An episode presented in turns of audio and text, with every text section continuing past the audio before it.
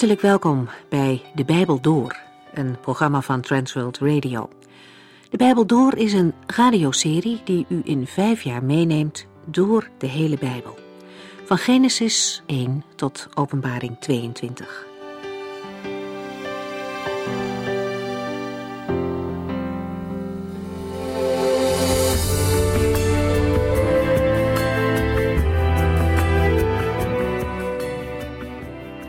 We zijn gebleven bij Handelingen 26. Lucas beschrijft daar de ontmoeting van Paulus met koning Agrippa. Paulus zit nog gevangen in Caesarea in afwachting van het moment dat hij naar Rome gebracht zal worden om voor de keizer terecht te staan. Maar de Romeinse gouverneur weet nog niet hoe hij de aanklacht tegen Paulus moet formuleren. Paulus is tenslotte onschuldig. Hij hoopt op de hulp van Agrippa, die een kenner is van de Joodse godsdienst. En Paulus begint zijn verhaal met een terugblik op zijn jeugd. De Joden zouden kunnen weten dat hij altijd volgens hun wetten geleefd had. En ook nu volgt hij nog het spoor van het Joodse geloof. Hij staat niet terecht vanwege misdaden tegen de Joodse of de Romeinse wet, maar hij staat terecht door zijn hoop op de Messias, op de vervulling van Gods belofte, en die hoop wil hij delen met zijn volk. Zij dienen God daarom heel serieus dag en nacht, zegt Paulus, maar koning Agrippa, ik word ervoor vervolgd. Paulus vertelt verder over hoe hij de christenen vroeger vervolgd heeft, zoveel als hij maar kon. Hij streed tegen het christendom en dacht dat hij God daarmee in dienst bewees. Het verhaal gaat echter verder. De Heer Jezus greep zelf in toen Paulus onderweg was naar Damaskus.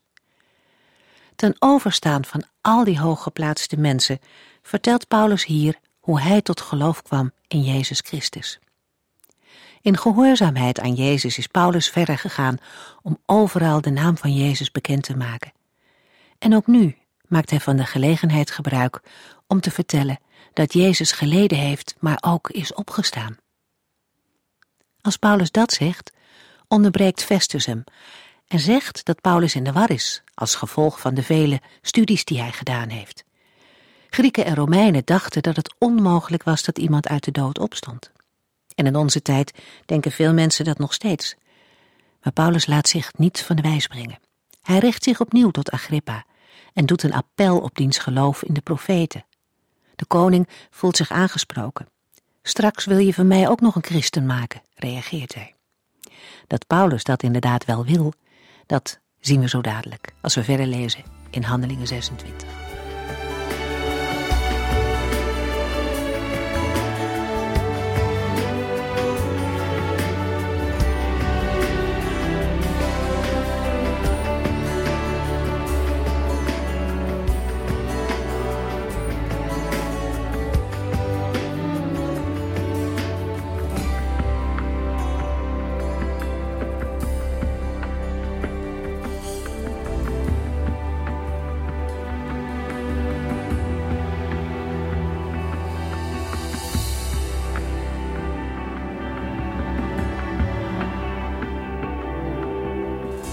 In de vorige uitzending hebben we geluisterd naar het getuigenis van de apostel Paulus. Aan Festus en koning Agrippa heeft hij verteld hoe de Heere zijn levensweg heeft geleid en hij een dienaar van het evangelie is geworden. Vanuit zijn levensgeschiedenis heeft Paulus ook laten zien dat het absurd is dat de Joden hem van oproer en ontheiliging van de tempel hebben beschuldigd. De Heer heeft Paulus uitgekozen om aan Joden en niet-Joden te vertellen dat het reddende licht is verschenen en schijnt voor een ieder die zijn of haar vertrouwen op de Jezus stelt. Handelingen 26, vers 24 tot en met 26. Terwijl Paulus met zijn verdediging bezig was, riep Festus ineens: Het is u in het hoofd geslagen, Paulus. Al dat gestudeer heeft u gek gemaakt. Maar Paulus antwoordde: ik weet precies wat ik zeg, excellentie. Wat ik heb gezegd is waar, zonder enige overdrijving. De koning begrijpt wel wat ik bedoel. Met hem kan ik er open en eerlijk over spreken. Ik kan me niet voorstellen dat al deze dingen aan zijn aandacht zijn ontsnapt.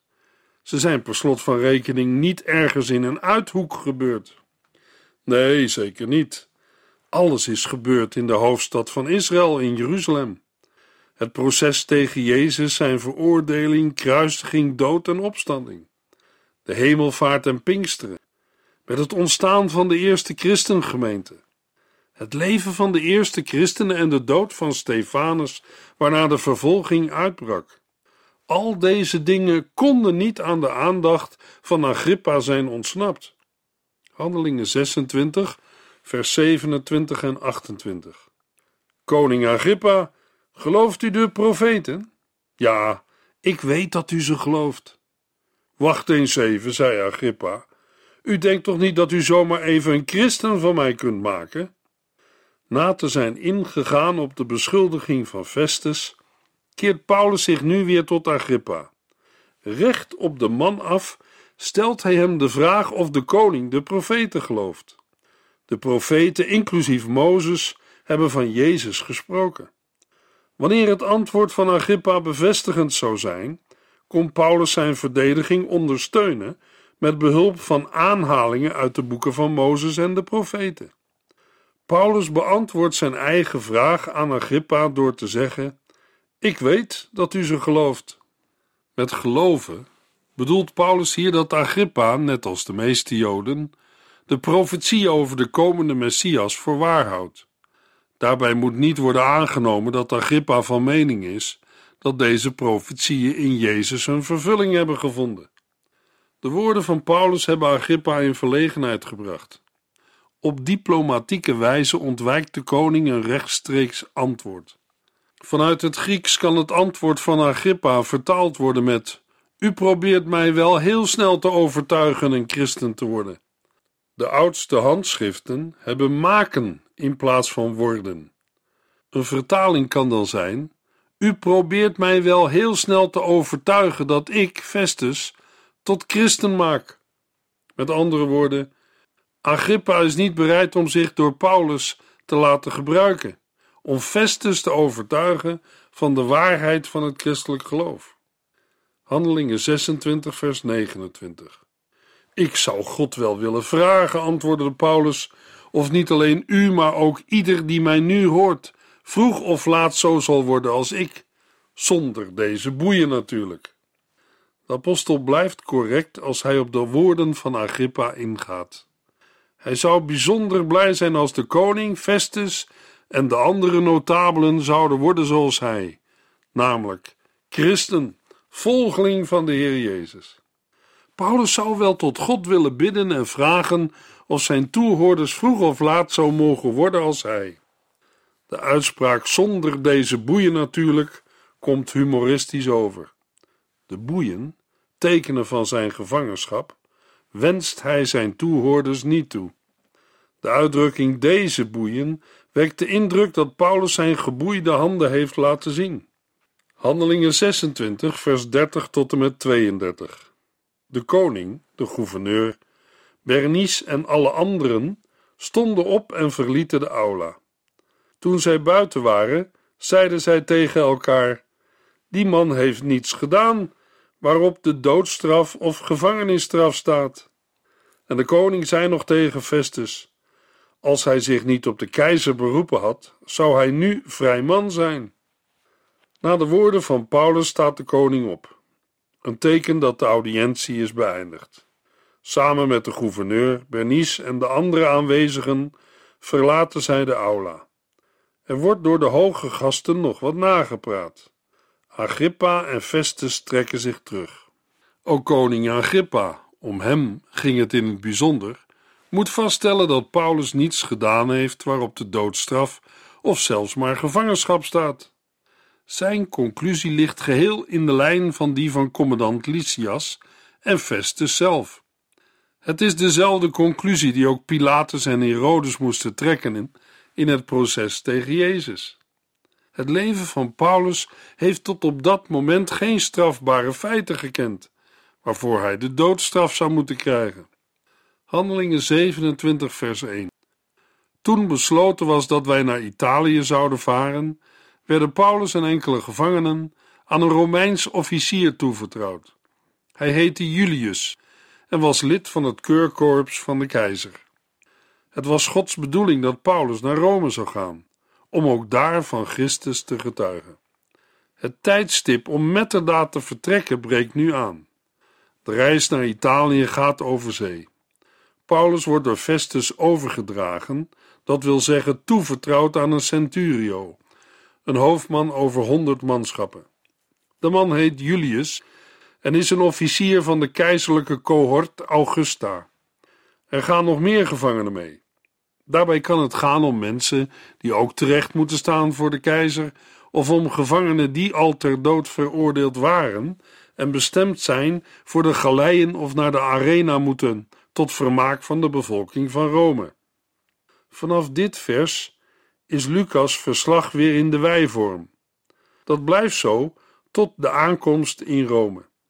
Wij duidt op Paulus, Lucas en Aristarchus. De laatste twee vrienden en voormalige medewerkers van Paulus gaan vrijwillig en als passagiers mee. We kunnen deze reis naar Rome ook wel de vierde zendingsreis van Paulus noemen. Ook al was de apostel een gevangene, hij was net zo actief als bij de andere drie reizen. Paulus had ook als gevangene voldoende ruimte om dingen te doen. Hij maakte evenveel contacten en hij getuigde net zo trouw als bij de vorige drie reizen. Boeien hinderde hem niet, ondanks dat hij deze hele reis een gevangene was.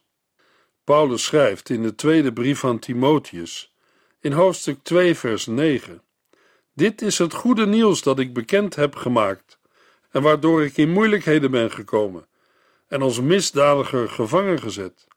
Maar het woord van God laat zich niet gevangen zetten.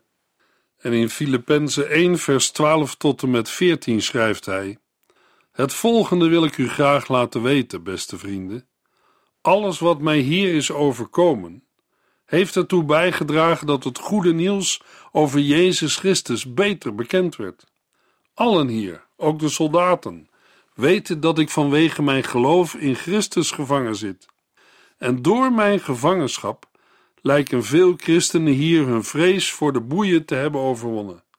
Op de een of andere manier heeft mijn geduld hen bemoedigd, met als gevolg dat zij steeds vrijmoediger spreken over Jezus Christus.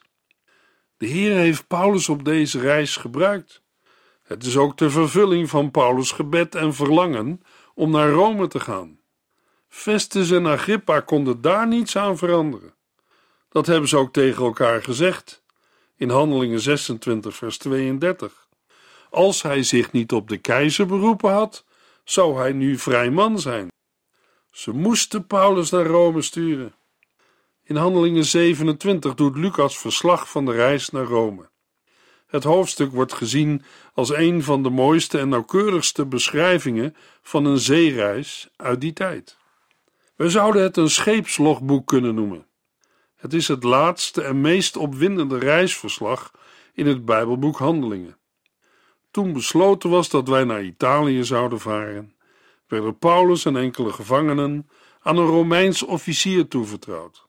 Hij heette Julius en was lid van het keurkorps van de keizer. Over de andere gevangenen zijn al een paar dingen gezegd. Het is niet bekend of er onder hen ook waren die zich op de keizer hadden beroepen. Waarschijnlijker is dat zij naar Rome werden gestuurd om te worden geëxecuteerd. Een aantal van hen zullen als gladiatoren voor hun leven moeten vechten in de arena. De gevechten werden gehouden met andere gladiatoren of met wilde dieren. In die tijd was er een voortdurende aanvoer van mensen uit alle hoeken van het Romeinse Rijk om de bezoekers van het Colosseum in Rome te vermaken. Paulus heeft deze gevangenen, voor wie er weinig positieve uitzichten waren, het evangelie van Jezus Christus mogen verkondigen. Zeker, waarschijnlijk zijn de meeste van hen een afschuwelijke dood gestorven, maar daar waren ook gelovigen bij. Ondanks hun gevangenschap en veroordeling waren ze door de hemelse rechter vrijgesproken op grond van het verlossingswerk van Christus. En Paulus mocht hen die weg wijzen toen hij zelf als gevangene naar Rome werd gevoerd. Handelingen 27, vers 2.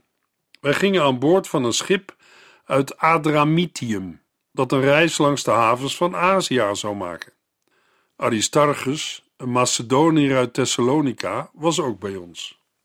De gevangene Paulus, of beter gezegd, de gezant van God, gaat per schip in westelijke richting. In de haven van Caesarea ligt een schip afkomstig uit Adramitium, een havenstad in Mysië, gelegen ten zuidoosten van Troas. Het schip vaart niet naar Italië, maar brengt hen wel een eind in de goede richting. Als regel bleven de schepen in de oudheid onder de kust varen om bij naderende storm tijdig een haven te kunnen bereiken. In Handelingen 27 voer men langs de kust van Israël en Azië. In het begin gaf ik al aan dat er met Paulus nog twee andere broeders meereisden, namelijk Aristarchus en Lucas zelf. Nu wordt de naam van Aristarchus genoemd. Aristarchus is een broeder afkomstig uit de stad Thessalonica in de Griekse provincie Macedonië. Op de terugweg van de derde zendingsreis is hij met Paulus meegegaan naar Jeruzalem. Hij blijkt nog steeds in het gezelschap van de apostel Paulus te zijn. Omdat Lucas en Aristarchus niet als gevangenen, maar als vrije passagiers meereizen, hebben zij de mogelijkheid Paulus op allerlei manieren tot steun te zijn. Handelingen 27, vers 3. De volgende dag legden wij in Sidon aan. Julius behandelde Paulus vriendelijk en gaf hem toestemming naar zijn vrienden in de stad te gaan om daar wat op verhaal te komen. Het schip vaart in noordelijke richting. De havenstad Tyrus wordt niet aangedaan, maar Sidon wel. De afstand tussen Caesarea en Sidon is ongeveer 100 kilometer en kan met gunstige wind in ongeveer één dag worden afgelegd. Het aanleggen in Sidon kan te maken hebben met het innemen van meer vracht. Hoofdman Julius is Paulus goedgezind. Hij was op de hoogte van Paulus' achtergrond en wist dat de apostel een Romeins burger was. Zijn vriendelijkheid komt tot uiting in de toestemming om in Sidon vrienden te bezoeken. De vrienden kunnen natuurlijk persoonlijke vrienden van Paulus zijn, maar waarschijnlijk is het een aanduiding van plaatselijke gelovigen. Bij de aanduiding om daar wat op verhaal te komen, moeten we denken aan een bad, kleding, voedsel of geld met het oog op de lange reis. We kunnen ook denken aan bemoedigende woorden en een beetje rust. In Caesarea was het voor Paulus niet mogelijk geweest om de gevangenis te verlaten, omdat de Joden het voortdurend op zijn leven hadden gemunt. Zelfs de apostel Paulus heeft gezelschap en bemoediging van medechristenen nodig.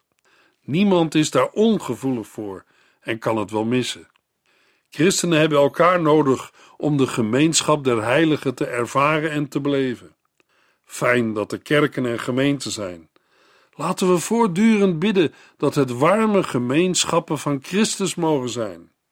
Handelingen 27, vers 4. Toen wij de haven van Sidon uitvoeren, hadden wij de wind tegen. Daarom zetten wij koers naar het noorden en zeilden om Cyprus heen. Hoe lang het schip in de haven van Sidon heeft gelegen, wordt niet vermeld. De kortste weg naar Azië zou zijn geweest wanneer het schip vanuit Sidon ten zuidwesten van Cyprus had kunnen varen, zoals bij de terugreis van de derde zendingsreis. Dat er nu een andere route wordt gevolgd, heeft te maken met de ongunstige noordwestelijke wind die in dat gebied, met name in de herfst, vaak voorkomt. Vanwege deze tegenwind blijft het schip onder de kust varen en in de buurt van het eiland Cyprus. Het betekent dat het schip enigszins beschermd en in de luwte van het eiland vaart.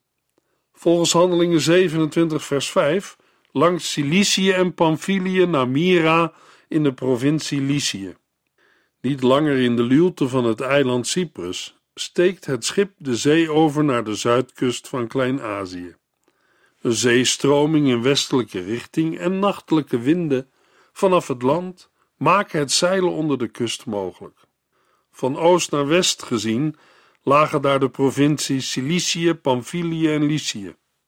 Myra was een belangrijke havenstad, een overslaggave voor de graanschepen die vanuit Alexandrië in Egypte naar Italië voeren.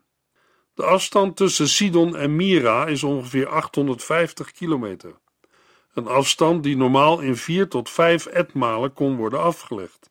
Vanwege de ongunstige wind zal de reis wel veel langer hebben geduurd. Het schip dat Adramitium als thuishaven heeft, zal naar Mira naar het noorden afbuigen. Daarom wordt er in Mira van schip gewisseld. Handelingen 27, vers 6. Daar vond de officier een Alexandrijns schip dat naar Italië zou varen en bracht ons aan boord. Mira was destijds een bloeiende havenstad. Vanuit Mira werden regelmatig Romeinse troepen die afgelost werden verscheept. In Mira vindt de Romeinse officier Julius een ander schip dat rechtstreeks naar Italië zal varen. Op zijn bevel moeten Paulus, de soldaten en de andere gevangenen overstappen op dit schip. Gelet op het aantal personen dat dit schip kan meenemen, volgens vers 37 276 man, moet het een groot schip zijn geweest. Het vervoerde graan en was afkomstig uit Alexandrië, een havenstad in Egypte, de korenschuur van het oosten. Behalve in het winterseizoen voeren er regelmatig graanschepen naar Italië en weer terug naar Alexandrië. Handelingen 27, vers 7 en 8. Omdat wij opnieuw de wind tegen hadden, zaten wij dagenlang op zee zonder vooruit te komen. Toen wij eindelijk ter hoogte van Knidus kwamen, waaide het zo hard dat we de steven naar Kreta moesten wenden. Wij omzeilden Kaap Salmone, bleven dicht onder de kust van het eiland en bereikten met moeite de goede reden, een haven niet ver van de stad Lacea. Wanneer het schip de haven van Mira heeft verlaten, vaart het tussen het eiland Rodos en het vasteland van Klein-Azië door in westelijke richting. Het schip kan weinig vaart maken vanwege de ongunstige wind. Met zeer veel moeite komt het schip ter hoogte van Knidus. Knidus is zowel een schiereiland als een daarop gelegen stad met dezelfde naam. Het ligt aan de zuidwestkust van Klein-Azië in de provincie Karië. De oorspronkelijke bedoeling zal geweest zijn om ten noorden van Kreta langs de Griekse zuidkust naar Italië te varen.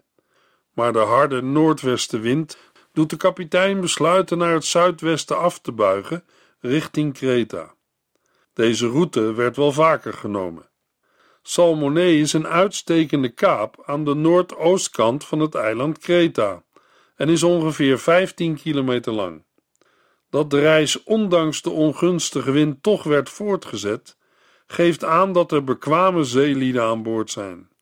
Het was niet eenvoudig om een groot, zwaar beladen schip dat diep in het water lag op koers te houden en veilig tussen klippen, kapen en eilandjes door te loodsen. Met veel moeite komt het schip voorbij Kaap Salmone en bereikt eindelijk een plaats waar de wind wat minder vat heeft op het schip.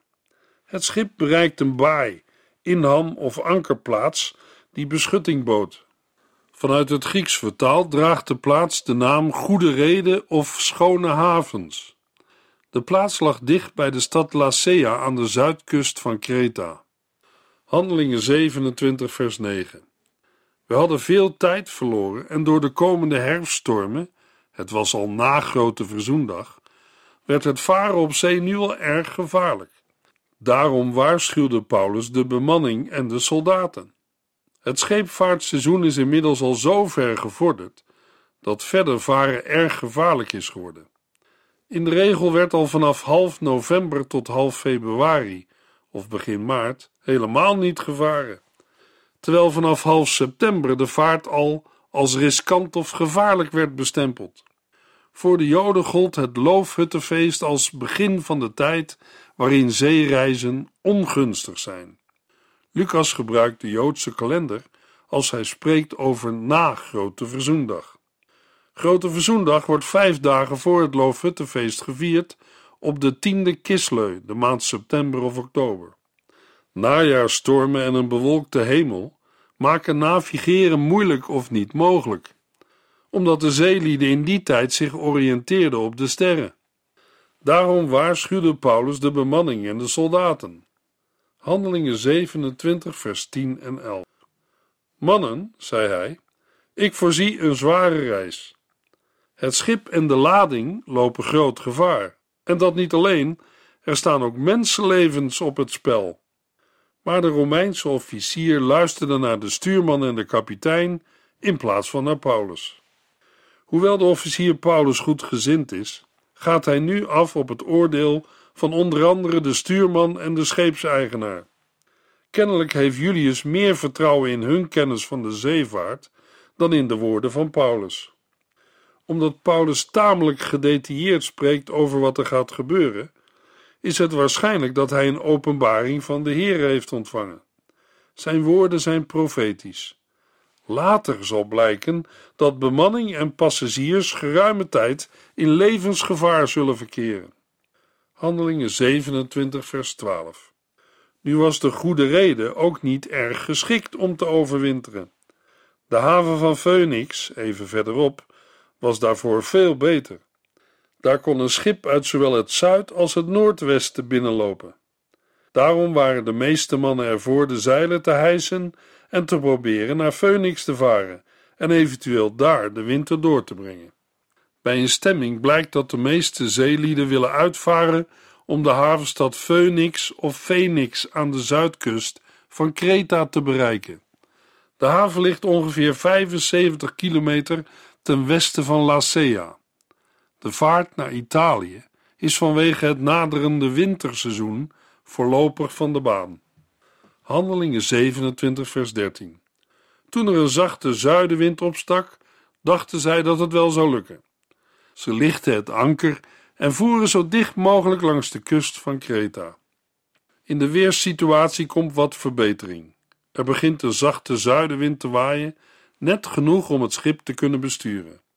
Uit deze lichte bries concluderen de verantwoordelijke zeelieden dat het moet lukken om Phoenix te bereiken. Ze lichten het anker en zeilen in westelijke richting.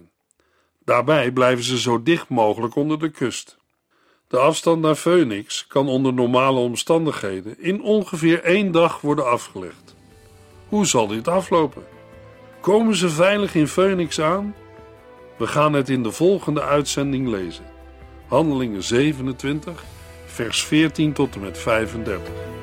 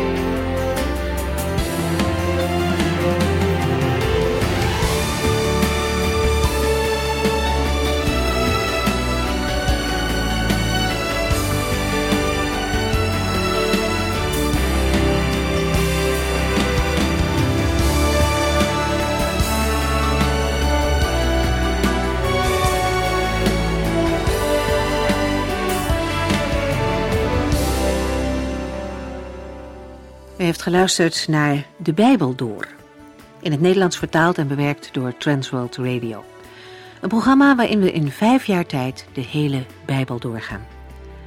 Als u wilt reageren op deze uitzending of u heeft vragen, dan kunt u contact met ons opnemen. Tijdens kantooruren kunt u bellen op 0342 47 8432. 0342 47 8432. 32.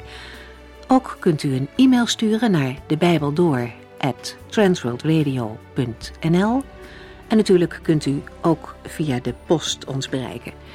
TWR, postbus 371, postcode 3770, AJ in Barneveld. Dit programma werd gepresenteerd door Cor Weda en Ike André. Techniek was in handen van Odin van Woerdekom. En wij allemaal bedanken u voor het luisteren. Graag tot de volgende keer.